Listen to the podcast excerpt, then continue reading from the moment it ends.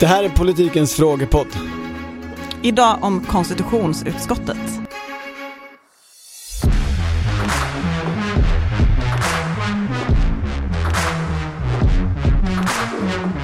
Hej Felix, du hade en, hade en fråga till mig? Ja. Vi har fått in en fråga. Vad finns det att säga om KU-anmälningar egentligen? Har de ökat fruktansvärt mycket i mängd och minskat i dignitet med åren? Är det en sida av politiken mer skyldig än den andra till det i så fall? Spännande fråga. Klassisk fråga som man har ägnat, man har skrivit många artiklar på det temat genom sin karriär.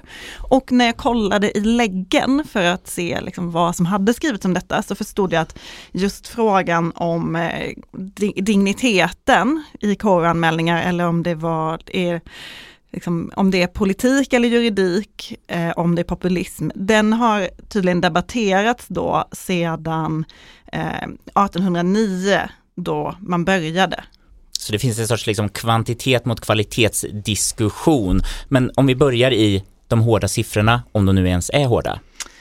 Ja, men alltså det finns ju en del sammanställningar. De är lite svårjämförbara för att i gamla statistiken så är det uppdelat på riksmöten och i den nya delar man upp det på år. Eh, men då har det liksom pendlat någonstans mellan så 20 och 35 förr i tiden. Eh, och nu har man sett då, eh, ja, men 2015 till exempel, då var det 48 anmälningar. Det börjar nästan vara nivået av skjutningar. Det omskrevs då som ett stort rekord och då var, blev det också ganska mycket debatt om KU för att det här var ju, eh, ni vet efter decemberöverenskommelsen, eh, Stefan Löfvens första år och då pratar man om att här, oppositionen har liksom, det enda de har att ta till efter decemberöverenskommelsen är jättemycket KU-anmälningar och interpellationsdebatter och att de använder då riksdagen på ett sätt som man inte var riktigt van vid. Um, vid den här tiden så hade ju KU en ordförande som var lite formalistisk. Andreas Norlén? Ja, nuvarande talman. Och honom hittade jag också i arkiven för att han var väldigt irriterad på den här debatten. Han eh, tyckte att det var historielöst att säga att det var ett rekord 2015. Därför att eh, även 2005 var det 48, 2006 var det 43 och 2007-2008 var det 42. Andreas Norlén skrev också att, eh, för det fanns då en diskussion om att riksdagen var en lekstuga eller en sandlåda. Eh, och Andreas Norlén sa att det stora problemet är inte eh, antalet och vilka KU-anmälningar som görs utan bristande kunskap om KUs arbetssätt och förutfattade meningar som okritiskt förs vidare i svepande ordalag. Det där är som klassisk Andreas Norlén innan han blev talman. Alltså går man igenom hans politiska karriär innan han blev folkkär talman, så är den ju... Han, Pedantisk. Ah, han, är, han, är, han ogillar ju inte en konflikt då. Han skjuter ganska ofta och skjuter hårt och skjuter från höften och driver saker eh, till sin spets. Absolut, och detta skrev han ju, det här var ju svar på olika ledarartiklar. Då, kommer han, då, då kräver han genmäle där han säger att problemet är att ni är så jävla okunniga, inte att riksdagsledamöterna KU-anmäler för mycket. Eh, och, och det är ju ändå underhållande. Det har gått ner lite, eh, förra året var det 30 93, alltså det pendlar lite upp och ner. Andreas Norléns slutsats är att eh, en regering som tillträder ofta anmäls oftare. Därför att den är oerfaren, den gör fler fel. Det finns väl också ett fönster va? Alltså, precis som allt annat i riksdagen i, under kalenderåret. Så det, det kommer ofta mycket anmälningar i januari tror jag. Precis, vi vet ännu inte hur många det blir för 2022. Men där blir det också lite, då blir det också två olika regeringar ja, som kan det. anmälas. Mm. Så det är lite svårt att dra slutsatser kanske från det året. Men alltså eh, 1996 så hölls ett seminarium i riksdagen som hette KU juridik eller politik. Och då Var ni, du där? Eh, att, nej, då gick jag i mellanstadiet. Um, men då förstår man ju att det här var en, är liksom en diskussion som har pågått länge. Där tycktes folk enas om att det var populism när man KU-anmälde jordbruksminister Margareta Winberg för att hon inför folkomröstningen om EU hade sagt att det skulle öka påvens inflytande i Sverige. En, en anmälan man kan notera från förra året var ju att Annika Strandhäll anmäldes för att ha eh, svarat Magda Gad positivt på Twitter när hon kritiserade Anna Hedenmo för en intervju i Min sanning. Alltså två, två journalister var oense och, och Annika Strandhäll tog position. Ja, och för detta fick hon kritik av KU. Hon har också själv sagt att det var olämpligt. Okej, Men det är också en fråga som, det det kan man ju fundera över, digniteten. Är det tramsigt att anmäla en minister för eh, någonting den har sagt på Twitter? Ja, kanske, men å andra sidan har vi ju en ganska intensiv diskussion om politikens avstånd till medier. vad fick du mer lära dig från det här seminariet på mellanstadiet? Jo, men eh, Johan Hirschfeldt, som vi ju ofta pratar om i den här podden, eh, så, Superjuristen. Ja, precis. Han var ju förr i tiden rättschef i statsrådsberedningen och han var med på det här seminariet och berättade att han eh, en gång fick, var, fick öva ett statsråd i en KU-utfrågning. Alltså preppa Han, han fick preppa, de, de hade en sån här fake eh, KU-utfrågning Mhm. som politiker brukar ha inför debatter och sådär. Det tyckte jag var kul. Det säger någonting om, om eh, liksom hur, hur eh, viktigt det var.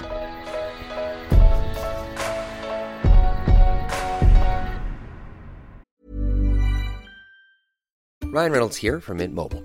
With the price of just about everything going up during inflation, we thought we'd bring our prices down. So to help us, we brought in a reverse auctioneer, which is apparently a thing. Mint Mobile unlimited premium wireless. Ready to get 30, 30, bit to get 30, bit to get 20, 20, 20, bit to get 20, 20, bit to get 15, 15, 15, 15 just 15 bucks a month. So, Give it a try at mintmobile.com slash switch. $45 upfront for three months plus taxes and fees. Promo rate for new customers for limited time. Unlimited more than 40 gigabytes per month. Slows. Full terms at mintmobile.com. Och sen hittade jag också en artikel från 1986 där man även då var lite bekymrad över att anmälningarna ökade. Då hade man rekordet 38 ärenden, nästan dubbelt så många som normalt stod det då i tidningen. Och det som då hade hänt var att man, från början var det bara KUs egna ledamöter som anmälde, men då hade man öppnat upp för att alla skulle kunna anmäla, vilket också påverkade då anmälningsbenägenheten. Och vad man anmälde för. För jag tänker på den där Margareta Winberg-historien till exempel. Alltså, du sa ju 1809.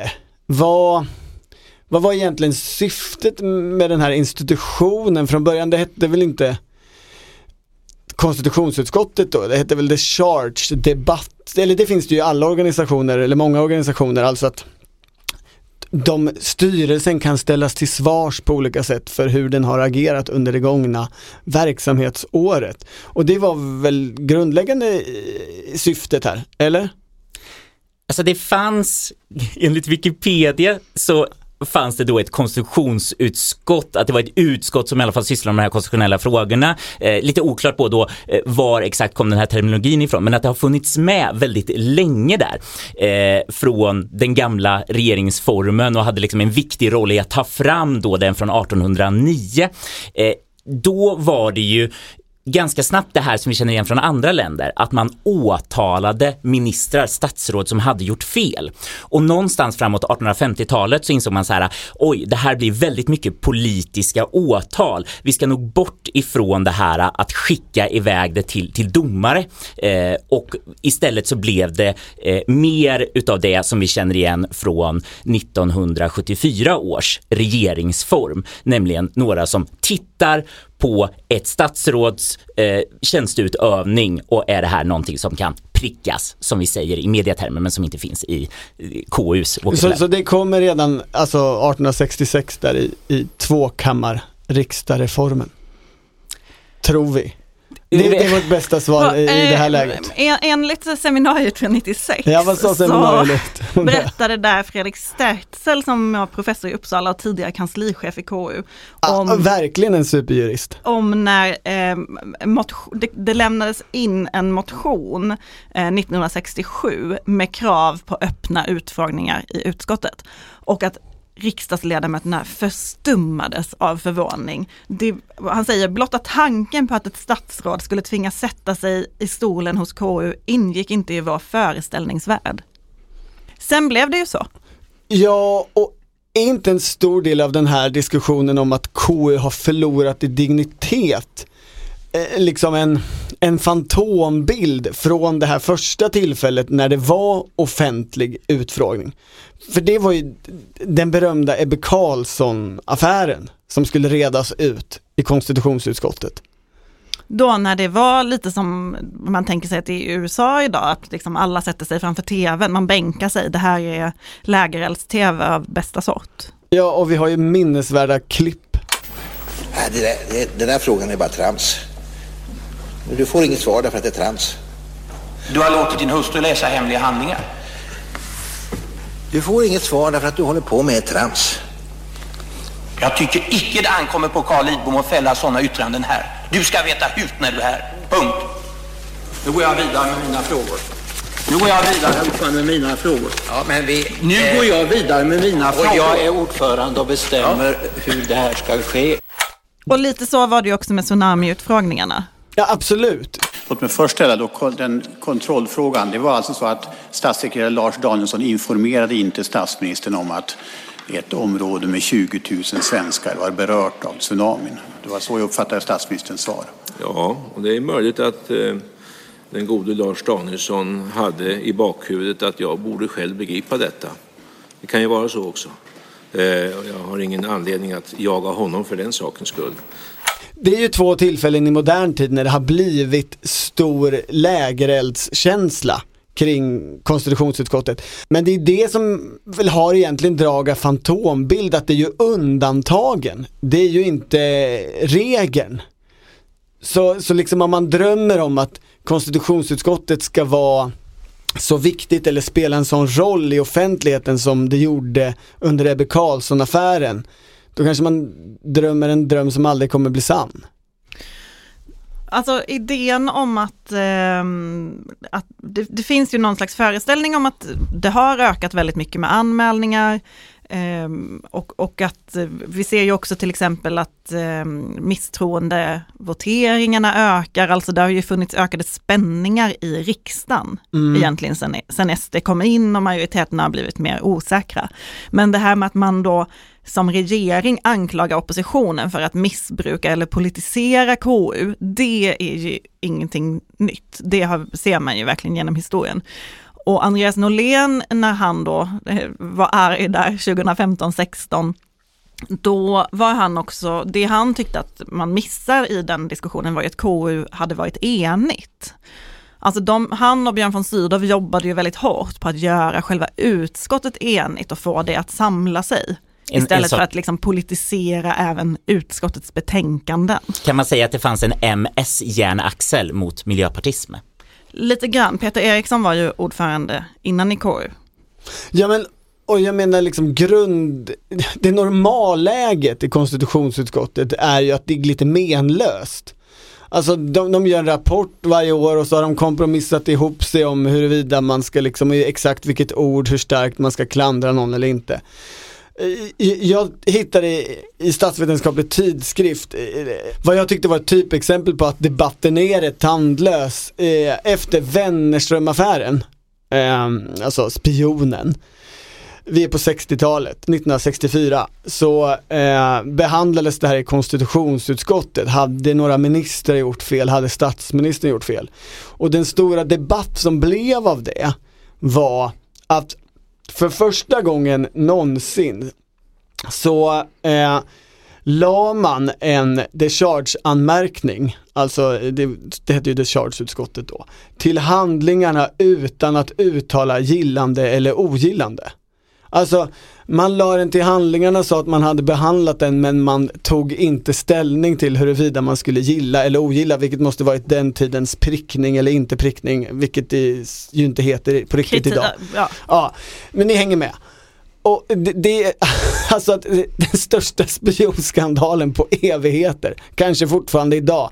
När den behandlas i konstitutionsutskottet så blir den stora debatten detta, alltså en for, formalia-fråga kring hur, hur utskottet har arbetat, ingenting annat. Mot argumentationen mot det här tandlösa konstitutionsutskottet som kompromissar bort allt liksom skarpt maktansvarsutkrävande är ju till exempel hur man agerade vid Transportstyrelseskandalen, att där fanns det enighet och nu var ju inte så att ministrarna avgick, de avgick innan men att tanken är att det fanns, det blev så tydligt att eh, kritiken skulle komma så på något sätt för att rädda heden. Man är liksom så rädd för när det kommer det här eniga fördömandet att det blir ändå liksom praktiska konsekvenser.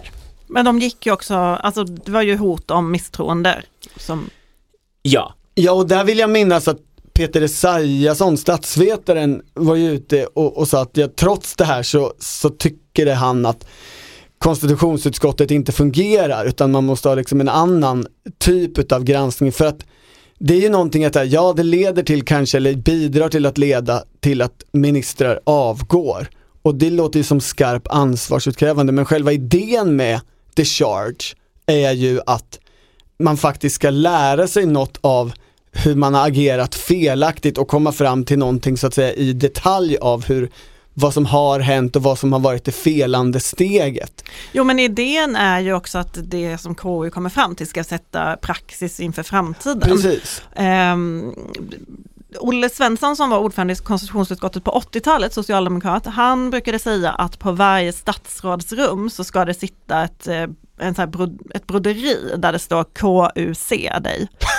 Och det har sen eh, Tuve Skånberg som ju Kristdemokraterna som satt i KU länge, han har upprepat det där och sagt att eh, man bör ha en skylt på skrivbordet där det står KU se dig. Socialdemokraternas Lena Hallengren, gruppledaren, har ju sagt i en intervju i vår tidning att de inte ska missbruka KU, så som vi tidigare sagt. Jag är inte säker på att hon använde exakt det ordet, använda KU som den tidigare oppositionen gjorde. Sen har man ju ändå redan anmält ganska mycket och kallat till pressträff och berättat om anmälningar och sådär. Eh, så vi får väl se, men det finns ju en annan intressant aspekt nu som är som, vi, som statsvetarna säkert kommer ägna sig en del åt, som är att Sverigedemokraterna kan ju inte anmälas till KU. Trots sitt stora inflytande. Eftersom de befinner sig i någon slags limbo. Ja, och hur, hur kan man då ansvarsutkräva? Man kan inte heller skriva en interpellation till en sverigedemokrat. Men är inte det här en ganska bra eh, ögonblicksbild av den där drömpositionen Sverigedemokraterna har fått? De kan låta sitt fotfolk i riksdagen fortsätta hets anmäla eh, men de kan själva aldrig bli anmälda. Olof Pettersson, statsvetaren, han skrev en debattartikel hos oss att eh, KU har ju också en eh, uppgift som är att granska regeringsärendenas handläggning och att han utgår ifrån att KU kommer på egen hand granska det här nya sättet som regeringen fungerar på. Det vore ju spännande för eh, ingen människa, inte ens i regeringskansliet, vet ju vad samordningskansliet längre är. Alltså om det är INK, Sverigedemokrater eller, eller exklusive Sverigedemokrater. För det ska ju vara olika vid olika tillfällen. Precis, och det inre kabinettet ska också vara olika vid olika tillfällen. Nu får Jimmy Åkesson gå ut ur rummet, för nu är vi inte längre i Tidöavtalet. Kom, kommer det hita IKA, IKB? Och vilket är Jimmy Åkesson med i A-laget eller i B-laget? Kanske vi kan få de här svaren när det blir ett tv-sänt KU-förhör.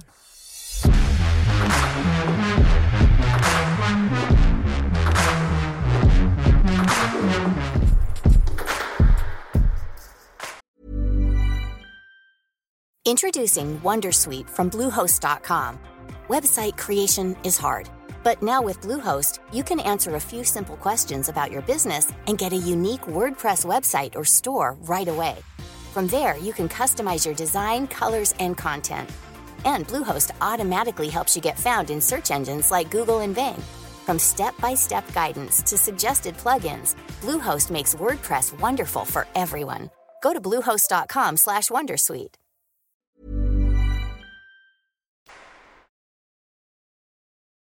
Du har lyssnat på Politiken, en podd från Svenska Dagbladet. Producent Mattias Dellert och ansvarig utgivare Anna Karleborg. Och klippen i programmet kom från Sveriges Television.